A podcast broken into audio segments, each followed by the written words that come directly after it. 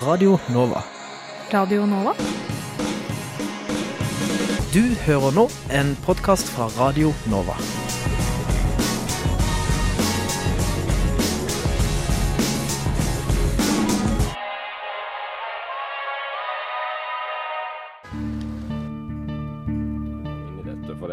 For det hadde vært siden eh, Noam Chomsky etablerte den greina av lingvistikken som, som jeg befinner meg i. Vi håper jo på bredest mulig oppslutning om SV, og jeg tror at det eneste som kan få norsk løsner båndene mellom staten og kirka, og forhåpentligvis fører til tettere bånd mellom kirka og folk. Så hadde de gjort som andre fjøringsbevegelser i verden, hadde de helt legitimt kanskje tatt i våpen. Og så direkte skildring av menneskeskjebner tror jeg ikke vi har sett eh, i noen annen nyhetsdekning av noen annen terroraksjon. Det er såpass store forskjeller mellom den kalde krigen, hvor det var Troen på at verden styres av skjulte krefter, står bak eh, eh, noen av de største truslene i dagens samfunn. Opplysningen får besøk av en ekspert på konspirasjonsteorier som skal lære oss eh, om alle de ulike sidene ved slike konspirasjonsteorier. Og Libanon grenser til Syria i nordøst og Israel i sør, og er det landet som huser aller flest flyktninger i hele verden. Freden i Libanon er utfordret fra flere hold. Hva er det som holder dette landet i vater? Du er så sykt PK, ass. Har du hørt det før? Hvor kommer egentlig dette uttrykket politisk korrekt fra? Og hva betyr det egentlig? En feriestasjon har en innvirkning på den enkelte nordmanns selvfølelse og identitet. De sliter, og de har ikke råd til å betale eh, markedspriser for, for gassen. Akkurat nå hører du på Radio Novas samfunns- og aktualitetsmagasin, Opplysningen 99,3. God formiddag og velkommen til Opplysningen 99,3 denne fredagen 7. oktober. Vi er altså Radio Novas samfunns- og aktualitetsmagasin, og vi gir deg ny innsikt i politikk og samfunn nært og fjernt hver uke. Og denne høsten så er vi litt ekstra opptatt av Libanon, eh, fordi redaksjonens Rebekka Hanneland er utplassert i Beirut. Neste uke så skal vi få vår første oppdatering fra den kanten. Men i dag så skal vi se eh, litt nærmere på borgerkrigen som preget Libanon fra 1975 til 1990. Og der eh, Norge hadde sin aller største militære utenlandsoperasjon noensinne. Vi skal snakke med han som ledet den siste norske bataljonen i Libanon, og um, som trakk seg ut etter en norsk politisk avgjørelse i 1998. Hvordan har Libanon preget norske soldater, og hvordan har norske soldater preget Libanon fram til den dag i dag? Radio Nova FM 99,3 og radionova.no. Hva har egentlig dronning Elisabeth, George W. Bush, Bill og Hillary Clinton til felles? De er mektige og egentlig grønne øgler. I alle fall ifølge reptilianerteorien, som påstår at utenomjordiske vesener har inntatt menneskeform og sitter i store maktposisjoner i verden. Dette høres kanskje morsomt ut, men eh, konspirasjonsteorier er både alvorlige og farlige. Og med oss i studio så har vi deg, Terje Embeland. Du er seniorforsker ved eh, Holocaust-senteret i Oslo. Eh, som bl.a. har forsket på eh, konspirasjonsteorier. Velkommen. Takk for det. Hva er egentlig en konspirasjonsteori? Ja, La oss eh, rydde opp litt i begrepene her. fordi det er klart at eh, folk sammensverger seg hele tiden i samfunnet. Det er en del av samfunnet, det og politikken osv. Når vi snakker om konspirasjonsteorier i denne sammenhengen, så er det mer altså en teori om at samfunnsutviklingen, historien, alle de dårlige tingene som skjer med gode mennesker, er resultat av en bevisst plan fra noen mektige onde og skjulte aktører som, som, eh, som styrer rett og slett alt sammen i det skjulte. Det er det vi snakker om når det gjelder konspirasjonsteorier. Eh, og, og, og vi kan også liksom skille mellom eh, forskjellige nivåer av konspirasjonsteorier. Eh, hvis det skjer en veldig dramatisk hendelse av typen Palme blir skutt, eller Lady Diana dør, eller JFK blir skutt, så har folk vanskelig for å forestille seg at det er resultat av tilfeldigheter. Altså noe som får store konsekvenser, det har, tenker man, store årsaker. Altså Det skal være en slags eh, symmetri, og resultatet av det er jo at det bygges opp veldig mange forestillinger om at disse hendelsene er eh, resultat av konspirasjoner. Og så kan vi ha over hendelseskonspirasjonene så kan vi ha det som vi kan kalle systemkonspirasjoner. At det er enkelte samfunnsaktører som egentlig styrer ting. F.eks. at legemiddelindustrien i virkeligheten er, står bak store epidemier og sånn fordi de skal tjene penger. Og så over det igjen så har vi det som vi kaller eh, grandiose konspirasjonsteorier. At absolutt alt er styrt av noen onde mennesker. La oss si jødene f.eks. Eh, er jo en veldig vanlig konspirasjonsteori. At jødene i det skjulte styrer verdensutviklingen. Det, eh, og disse forskjellige nivåene henger ofte sammen. Du kan begynne med å interessere deg for at det egentlig ikke var eh, noe angrep 9-11 i det hele tatt. Det var en inside job. Og så begynner du å spørre deg hvem er det som står bak, og så utvikler dette seg til en forestilling om en grandios konspirasjon. Mm. Men eh, de som da ikke tror på sånne konspirasjonsteorier, som f.eks. at 9-11 var en inside job eh, hvordan Altså, er det et maktaspekt her? Hvordan, hvordan, forholder ulike mennesker seg til konspirasjonsteorier? Uh, ja, altså, de, altså hvem, hvem, det er som lar seg tiltrekke av uh, disse konspirasjonsteoriene, mener du? Uh, vel det er veldig ofte at de trives på, i den politiske marginalen, kan vi si, i ytterpunktene blant ekstremistene. Særlig eh, blant, eh, på høyresiden. Eh, vi har eksempler på konspirasjonsteorier på venstresiden også, men, men særlig på, fra skal vi si, høyrepopulistisk til mer høyreekstreme grupper. Mm. Og, det, og i religiøse sekter og sånn også. fordi hvis du tror at du sitter med sannheten om hvordan ting henger sammen, eller sitter med løsning på hvordan samfunnet skal se ut, altså nærmest patentløsningen på hvordan samfunnet skal løse alle sine problemer, og så er det ingen som hører på deg. Altså Det er ingen som syns at dette er noen god løsning. Og du vet at det er sannheten du sitter med, med, så er det veldig naturlig å tenke seg ja, grunnen til at ingen vil høre på meg, det er at det er en ond kraft som motarbeider meg systematisk. Det er eneste grunn til at ikke folk flest har skjønt at det jeg står for, er riktig. Altså er det noen som i det skjulte hindrer mennesker i å få kunnskap om hvordan ting egentlig henger sammen. Så det er en logikk som, som, som passer for ekstremister. Og så er det selvfølgelig generelt sett en forklaring på hvorfor konspirasjonsteorier sprer seg i samfunnet i dag, for det gjør de. Eh, det er mistillit til det politiske systemet. Store nye undersøkelser f.eks. fra Frankrike viser at veldig stor eh, økende andel mennesker har lite tiltro til de politiske institusjonene, til samfunnsinstitusjonene. Eh, sånn at, man, at det blir en utrygghet raske endringer i samfunnet. Man føler eh, det som man på fint kaller anomi, en følelse av at alt går i oppløsning. Og så søker man etter en enkel forklaring. Mm. Enkel forklaring på hvorfor det er slik. Og da kommer konspirasjonsteorien inn. Ja, så sånn som du nevnte Frankrike. Mm. Og det er jo et land som er rammet av mye terror mm. det siste året. Har det noen sammenheng? At man føler, altså at man føler seg da utrygg? Ja, det kan godt være, men det er, det er, ofte slik at det er store grupper i samfunnet som føler at samfunnsutviklingen eh, på en måte ikke tjener deres interesser. De blir eh, eh, de henger etter, på en måte, og føler seg marginalisert. Og de føler at de verdiene som de representerte, ikke lenger gjelder i samfunnet. Ting går i oppløsning rundt dem. Og det er den samme motivasjonen som var at folk eh, går til høyreekstreme eller høyrepopulistiske bevegelser, men det er også veldig ofte den samme årsaken til at folk tror på konspirasjonsteorier. Mm. Eh, man ønsker rett og slett en syndebukk. Jeg skjønner. Men litt tilbake til med det med konspirasjonsteorier. Altså, Er det noen typiske kjennetegn som går igjen i flere av disse teoriene? Ja, eh, nå snakker vi jo for, for, så vidt helt generelt om hvordan denne tenkningen er skrudd sammen. Og der har vi ja, forskerne funnet ganske mange felles trekk. Eh, det ene er jo at de er, har en fantastisk evne til å immunisere seg mot kritikk. Eh, hvis det ikke finnes Jeg kan komme med en påstand, f.eks. da at Bush-familien og den engelske kongehuset er reptiler fra det ytre rom som har forkledd seg. Det er faktisk en konspirasjonsteori sånn som du innleder med, som mener det, som selger titusenvis av bøker i England. En fyr som heter David Ike, som sier dette.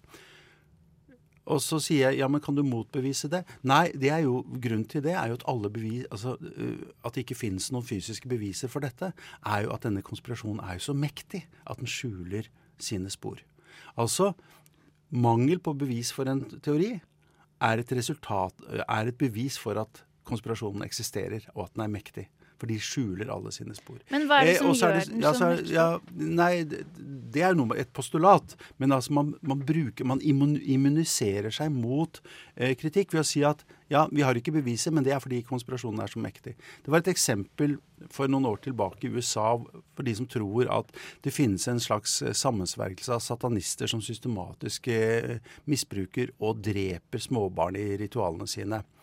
Det ble rettet anklager mot en spesiell, spesiell gruppe, og folk sa at de hadde gravd ned likene av disse barna et bestemt sted i California. Politiet ble rykket ut og gravde opp og fant selvfølgelig ingenting.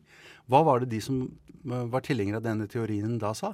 Jo, det beviser bare at satanisten også har sine alliert innenfor politiet. Altså Du kan ikke motbevise teorien.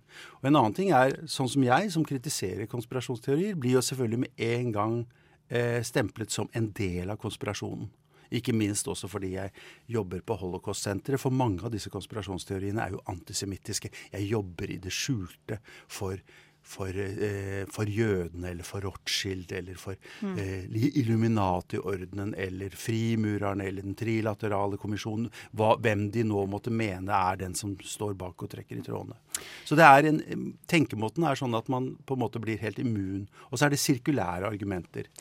Ok, Men ja, altså, hva kan være konsekvensene av at noen tror så sterkt på konspirasjonsteorier?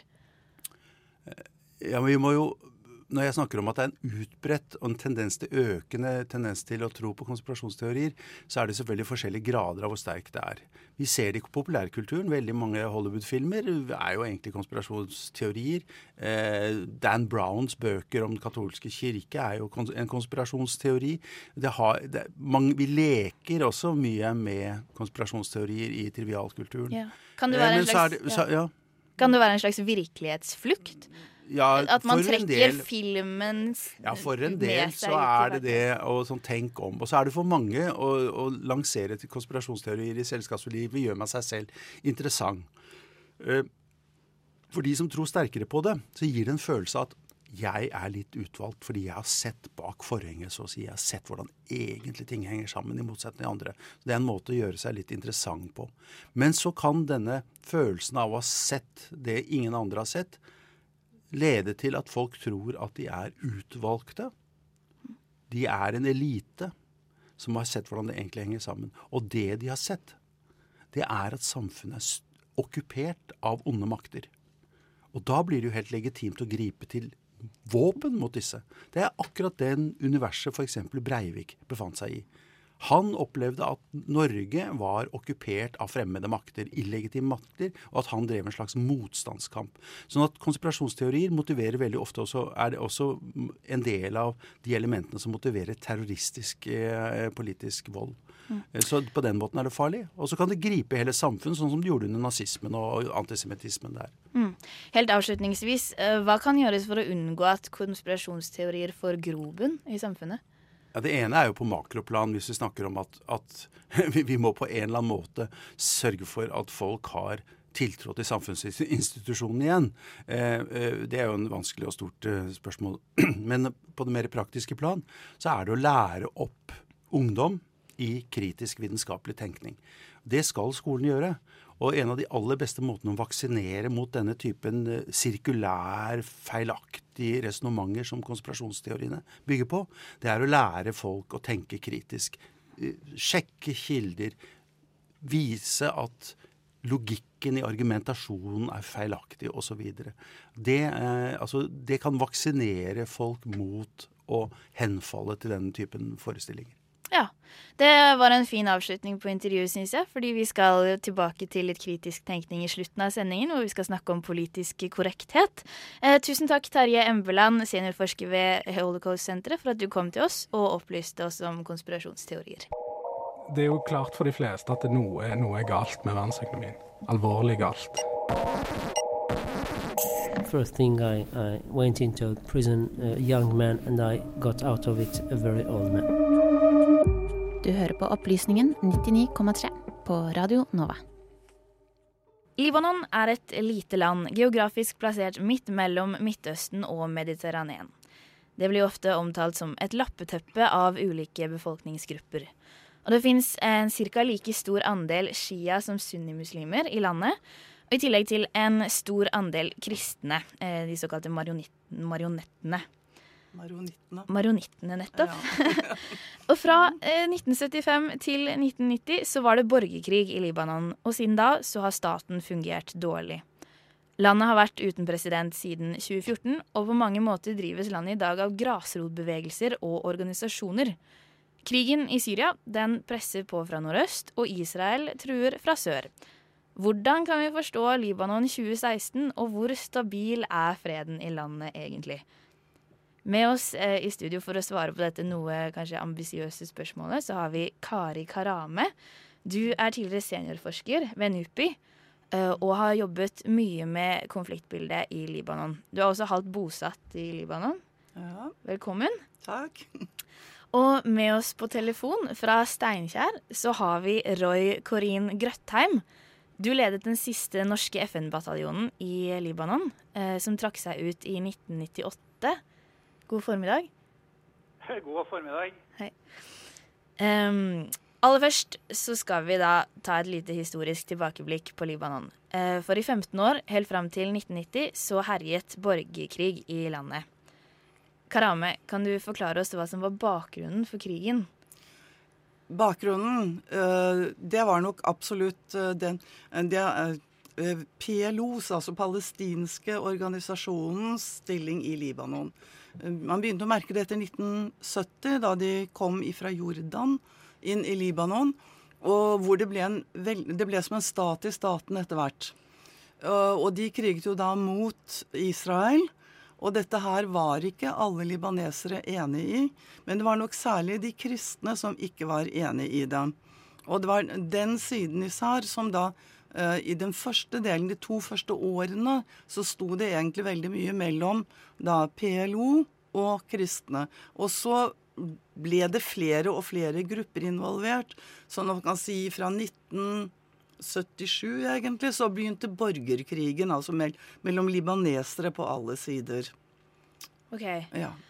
ja så kan konflikten ses som en slags proxy-konflikt, altså for Israel-Palestina? Eh, egentlig ikke, fordi at de, altså, den libanesiske hva skal vi si, motstandsbevegelsen i begynnelsen, de, som da er i majoriteten kristne, de kjempet for, sin, for, seg egentlig og sine egne mål. Israel tok jo etter hvert kontakt med dem, men de, jo, de mener jo faktisk at de ble lurt av denne frie motstandsbevegelsen, fordi at det viser seg at de hadde sine egne mål, som var egentlig å bevare det flerreligiøse Libanon. Ok. Um, kan du si noe om um, hvilke måter borgerkrigen fortsetter å prege Libanon på i dag? For det blei jo Altså, Valgte man fred fremfor rettferdighet da krigen ble avslutta i 1990?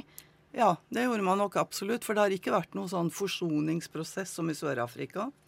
Uh, og det, uh, den avtalen som kom i 1989, den førte mer til en nyfordeling av politisk makt. Uh, og den førte også til at tidligere krigsherrer ble sittende i nasjonalforsamlingen og i regjering, hvor flere av de fortsatt sitter. og det som den har ført til sånn generelt Altså 15 år med krig er veldig lenge.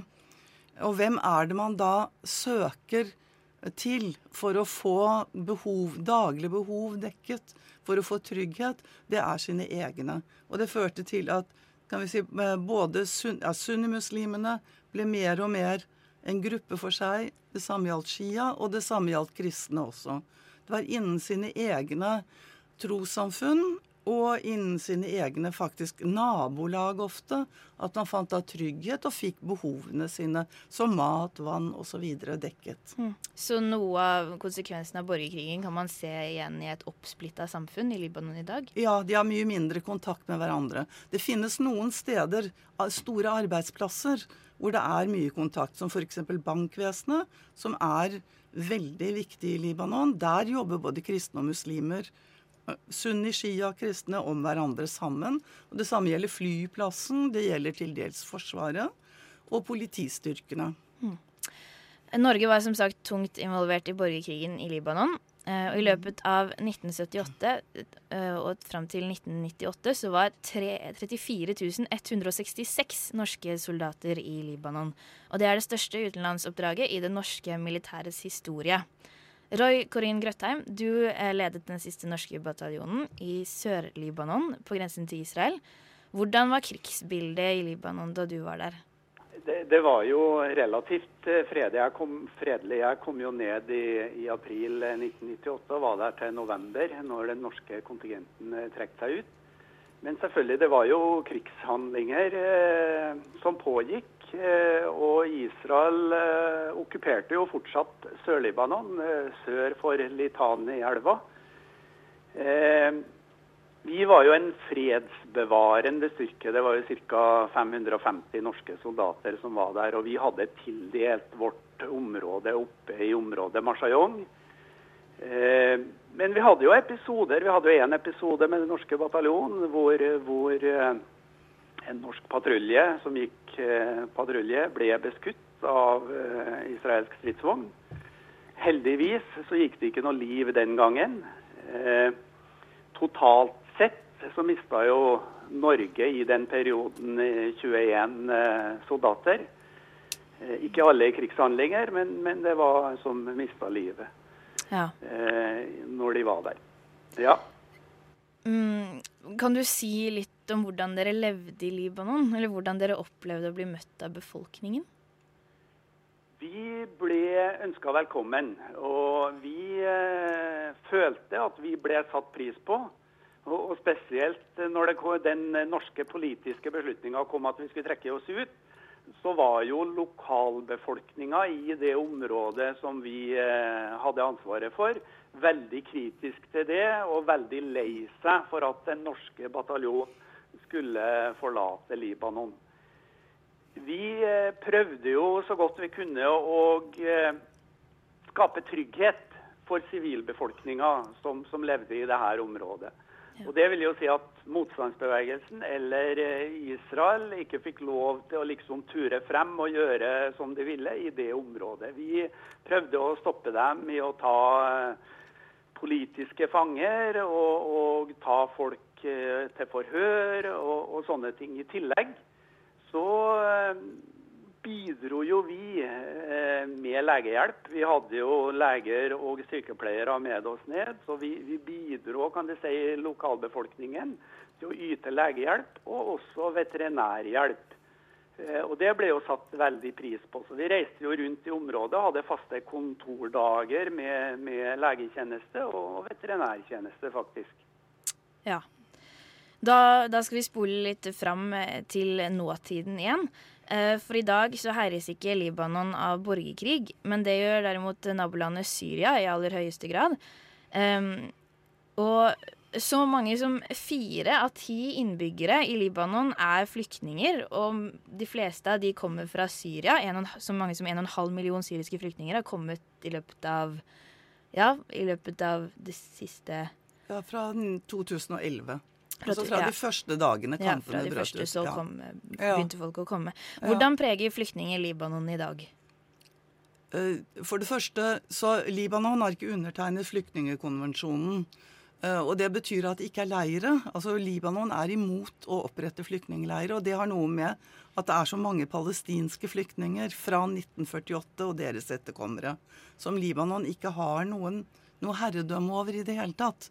Uh, og det, eh, kontroll kan jo heller ikke herredømme, litt uh, ladet ord. Vi sier kontroll.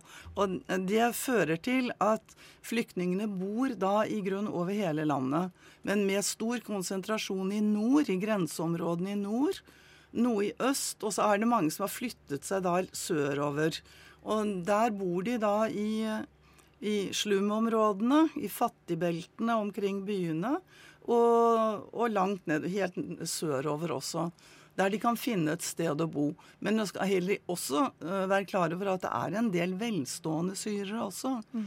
Til og med folk som opplagt er en del av nomenklaturen i Syria, som har leid seg inn eller kjøpt leiligheter og bor da i ganske velstående strøk i Beirut f.eks. Okay. Hva syns Libanon-leserne om at det kommer så mange syrere? Eh, I begynnelsen så stilte vel alle opp og prøvde å gjøre det de kunne. Altså, de, de første flyttet inn hos slektninger eller kjente, eller leide seg inn i områdene der.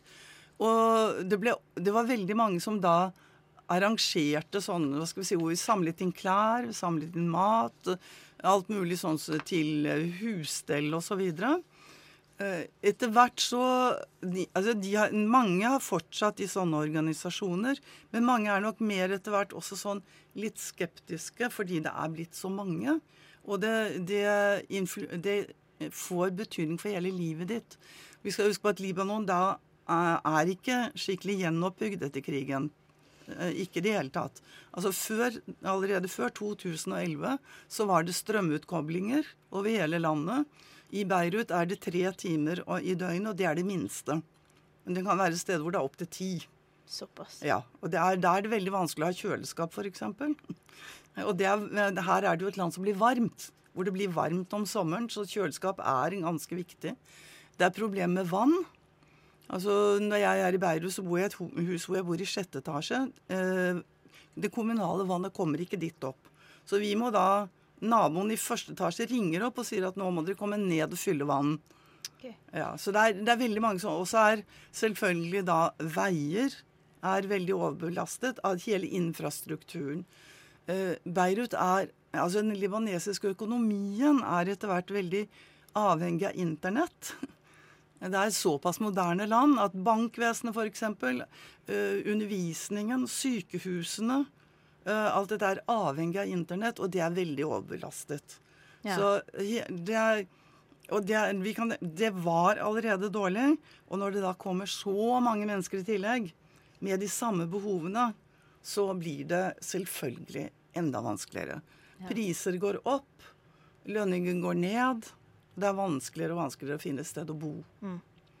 Um, altså vi hvor, hvor, sterk er egentlig trusselen fra konflikten i Syria? Hvor svak er freden i Libanon? Eh, jeg pleier å si at det er stabilt ustabilt. Altså det er ustabilt hele tiden. Du har hele tiden følelsen at det kan brake løs igjen. Det er ganske mye våpen. Man vet at det er opptil én million det er håndvåpen blant innbyggere.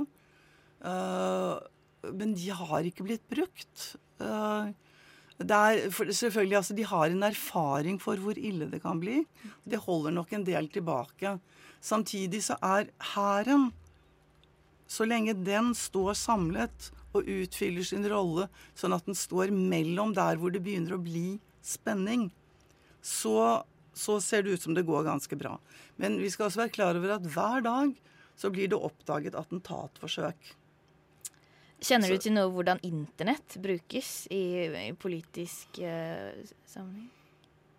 Ja, altså det er vel nokså åpent, tror jeg. altså mm. egentlig. Mm. Altså, så det sensureres ikke? Nei, nei. Veldig lite. Altså Den sensuren som kan komme, er, det har jo vært angrep på journalister f.eks., eller på intellektuelle, eller på vanlige mennesker som har uttrykt seg negativt om, eh, om en eller annen, særlig da en politisk person. Uh, det kan være, men det er mer på individuelt basis. Det er ikke staten. Det er faktisk en av de tingene som særpreger Libanon. Det er ytringsfriheten og friheten til å organisere seg. Mm. Den, den, er nok litt mer under kontroll nå enn den var før. Ja. Men den eksisterer absolutt, er stor i forhold til andre arabiske land. Ja.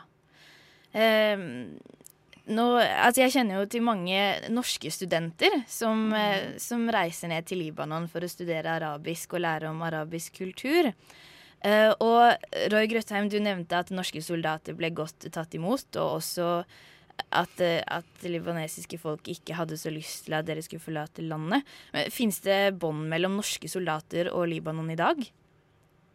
Ja, det er jeg helt sikker på. Det, det, var jo faktisk mange av disse soldatene som fant seg libanesiske jenter eh, og gifta seg.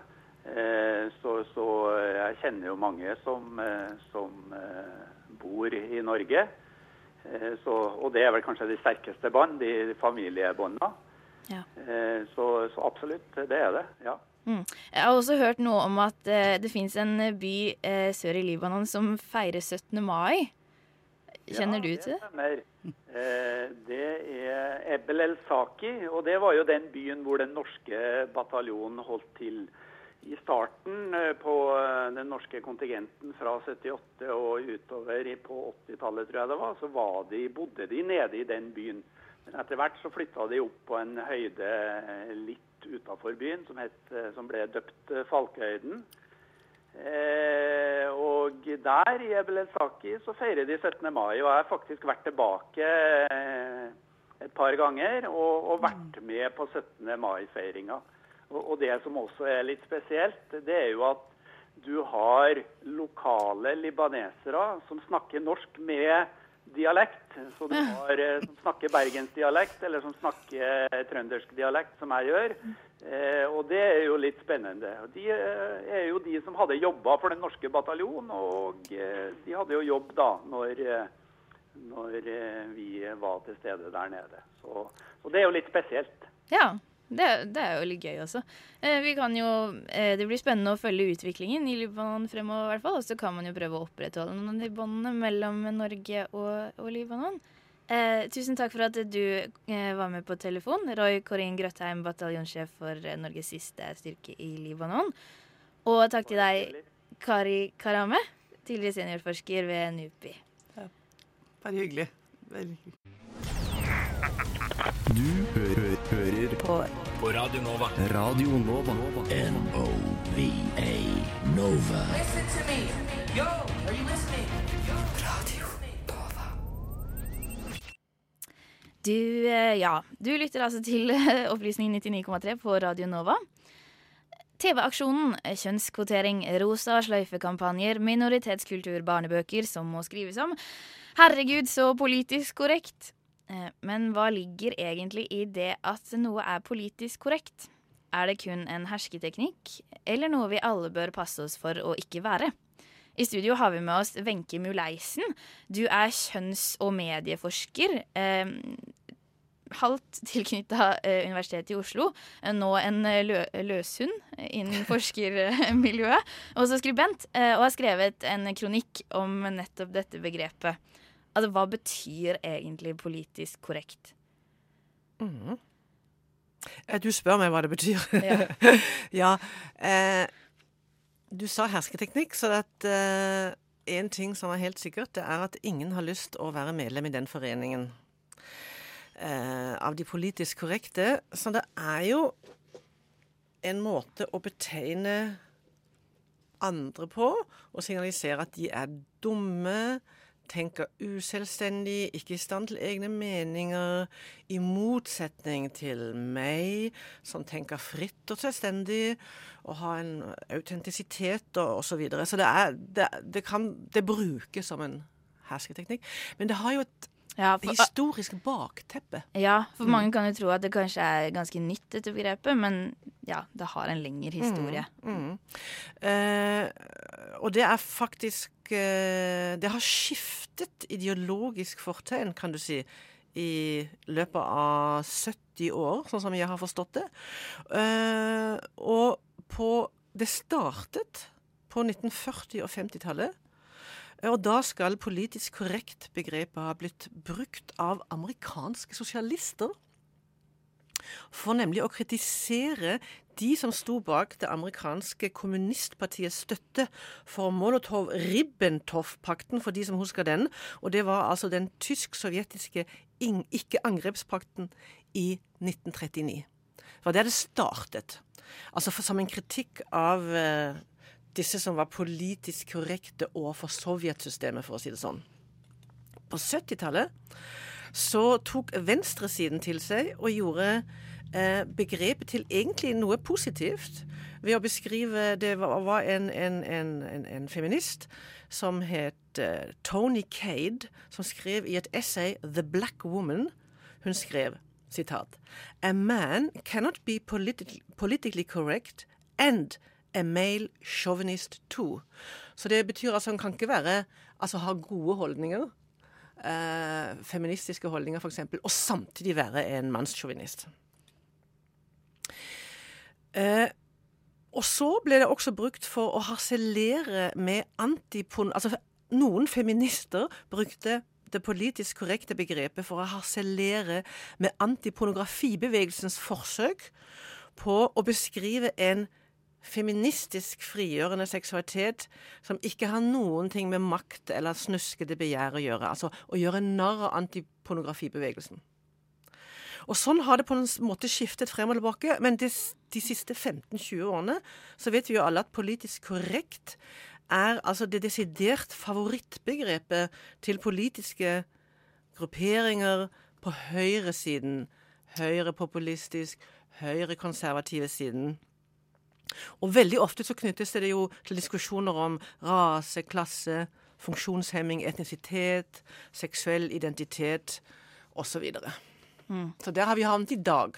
Altså Det er altså på en måte høyresidens eh, hersketeknikk overfor det som blir kalt for dominerende holdninger på venstresiden. Ok, så det, det kan, Men kan det se ut som et relativt begrep? Som at de som til enhver tid f.eks. har regjeringsmakt, eh, blir de som er politisk korrekte?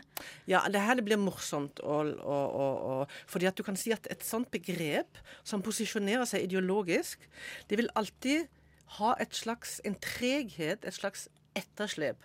Så dermed så kan du si at nå begynner det å bli ja, nokså komisk når de som sitter i posisjonen, og de som faktisk dominerer både statsmakten, institusjonene eh, og i stor grad holdningene, eh, betegner opposisjonen for å være politisk korrekt. Fordi at hvis vi skal se det korrekt, så er det vel snarere de som er i posisjon nå og har vært en god stund, som dominerer eller har hegemoniet nå, som man skulle kunne betegne som politisk korrekt. Men de sier jo også noe om hvor tømt et sånt begrep kan bli, og at det altså på en måte det degraderes, eller det regrederer til et slags rett og slett hersketeknikk. Ja, eh, altså um er det her noe som kommer til å gjenta seg da i sykler, sykluser? Ja, altså Hvis du ser på den, det historiske lille risset som jeg tok nå, hvor du ser det har skiftet ideologisk fortegn, så, så, kan det se ut til det. På en annen side så har det festet seg veldig eh, de siste tiårene til å være en betegnelse av venstresiden. Og det handler jo, for, fordi at det, det handler veldig mye om eh, godhetstyranniet Altså hvis du er for um, drivhus Hvis du tror på drivhuseffekten, likestilling, bistand, minoriteters rettigheter, uh, Amnesty og Leger uten grenser, da er du politisk korrekt. Det vil si at du, du er noe naiv. Uh, så det er jo veldig verdt egentlig å gå det begrepet også etter i sømmene. Uh, at det blir en hersketeknikk overfor um, mennesker som tror på solidaritet, eller mm. lik fordeling, eller Hmm. Ja, for, altså, nå sitter vi jo kanskje i en av Oslos flere liksom, idealistiske høyborger, altså Studentersamfunnet. Ja. Altså, hva, hva, er det man skal tro på da, ide ideelt sett? Hva, hva? Eh, hvis man, altså, hvis man eh, ikke vil eh, Hvis man ikke vil bli betegnet som politisk korrekt. Man skal ikke hvis tro på mennesker. Hvis du i dag, i det klima, det politiske klimaet som er i dag, og måten det begrepet brukes i dag, hvis du ikke vil risikere å bli betegnet som politisk korrekt, da du da, da, kan du f.eks. være så selvstendig og ha så stor autonomi at du mener at drivhuseffekten bare er tull. Du kan være imot likestilling fordi at eh, f.eks. biologien tilsier at eh, kvinner og menn eh, har, er forskjellige og dermed bør ha forskjellige oppgaver. Eh, du tror bistand er bortkastede penger, osv. Så, videre. sånn at hvis så i, i, dagens klima så er det liksom den retning det går i. Eller du kan si at ja, men humor Nå har vi nettopp den diskusjonen om eh, mannegruppen Otta. Du kan hevde at ja, men altså, humor er jo bare humor. Det har ingen effekt. Språk har ingen praktiske konsekvenser.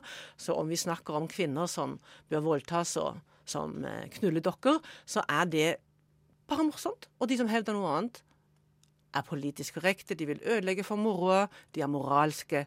De er på venstresiden. Mm. For det ligger jo også mye makt i humor som, som en hersketeknikk. Ja, eh, eh, humor er jo veldig interessant og, ve og veldig kompleks å diskutere. i mm. forhold til... Det, hvor, I hvilken grad er humor politisk korrekt? Hvordan forholder de seg til det?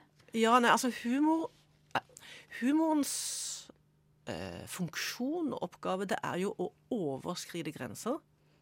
Å overskride det eh, som vi på en måte er enige om eh, Det er derfor humor kan virke så frigjør, frigjørende. Å få lov å le av det man ikke skal le om. Eh, det, det, kan være både personlig frigjørende, men det kan også virke frigjørende politisk og ytringsfrihetsmessig. Men det er klart at humor brukes jo også til å stigmatisere. Eh, jødevitser, eh, vitser om eh, kvinner, funksjonshemmede. Men det er klart at det betyr jo ikke det samme at man ikke skal vitse om noen grupper. Men det, det er som alt annet måten det gjøres på som eh, er det store eh, kvalitetskriteriet, og åpen for diskusjon. Mm. Altså, kan eh, begrepet politisk korrekthet i verste fall være farlig og føre til at folk sensurerer seg? Eh, eller er det fordummende? Jeg vil si at det kan snerte både Altså, det kan absolutt være fordummende, fordi at hersketeknikker kan være veldig fordummende, fordi at du bare du bare beskylder noen for noe, så tror vi alle vi skjønner hva de mener, og så end of discussion. Men om det kan uh, være farlig, det er jo et vanskelig spørsmål. Men det er klart at uh, så lenge det fungerer som en form for stigmatisering, og hvis denne stigmatiseringen setter seg fast i den forstand at det er vanskelig å ytre visse ting, altså det kan være vanskelig å innta holdninger som at uh, det er viktig å yte bistand, eller at det kan være vanskelig å ha en posisjon som f.eks. er vennlig innstilt overfor uh, flyktninger, eller andre politisk brennbare spørsmål, da er, da er det i hvert fall betenkelig. Mm. Mm. Uh, helt til slutt, uh, hva vil du si er politisk korrekt i dag? Ja, Det er også veldig vanskelig igjen. Men det er klart at det er jo på, ja, det er vanskelig å si. Men det, det politisk korrekte holdningene ligger, sånn som jeg ser det, jo i Sånn som, sånn som du, da, for eksempel. Ja. Eh, som er, som er, er frilansforsker. Ja. ja. Hvordan, hvordan, vil du forholde deg til politisk korrekthet? Du har jo vært en feministisk forkjemper eh, lenge, eksempel. Altså, når det gjelder sånne begrep, tror jeg det gjelder alltid å lytte veldig nøye hva som skjer i situasjonen. Altså, eh, eh, Hvis noen ville beskylde meg å være for politisk korrekt, så eh, ville jeg gå dette etter i sømmene, spørre veldig konkret hva det gjelder, og forsøke å analysere. For det politisk korrekte henger jo sammen med den som Det blir påstått at det er noen som har makt. Ikke? Altså, Makt i den forstand at, at det er det som er det, det, det rette det er det dominerende for tiden. Så jeg ville forsøke å gå det etter i sømmene om hvem som på en måte har ytringsmakt, eller som, hvem sine meninger som har eh, mest gjennomslag for tiden. Og det er ofte noe annet enn det som kanskje ble hevdet i en situasjon. Så i dag så tenker jeg at det politiske korrekte ligger jo mer mot høyre. Hmm. At det ville være eh, det politiske korrekte i dag. Ja. Uh, ja, det, det, det, får vi la bli siste ord. Og så har vi også skjønt at uh, politisk korrekthet det er et kom, veldig komplekst og mye som skjer når man ut, uh, uttrykker politisk korrekthet. takk for at du kom i studio, Wenche Muleisen. Bare hyggelig. Det er jo klart for de fleste at noe, noe er galt med verdensøkonomien. Alvorlig galt. First thing I, I went into prison, a young man, and I got out of it a very old man. Du hører på Opplysningen 99,3 på Radio Nova. Det var det vi hadde å by på i ukas Opplysningen. Medvirkende til sendinga det har vært Tom Henrik Monsen, Signe Grape, Eileen Lindvold og Hanne Kjærland Olsen. Og mitt navn er Kristine Brastad Dammen. Dammen. og Tom, Tobias Gerplich har vært eh, tekniker. Bra jobba. God helg. Ha det. Radio Nova. Du har hørt en podkast fra Radio Nova. Likte du det du hørte? Du finner flere podkaster i iTunes og på radionova.no.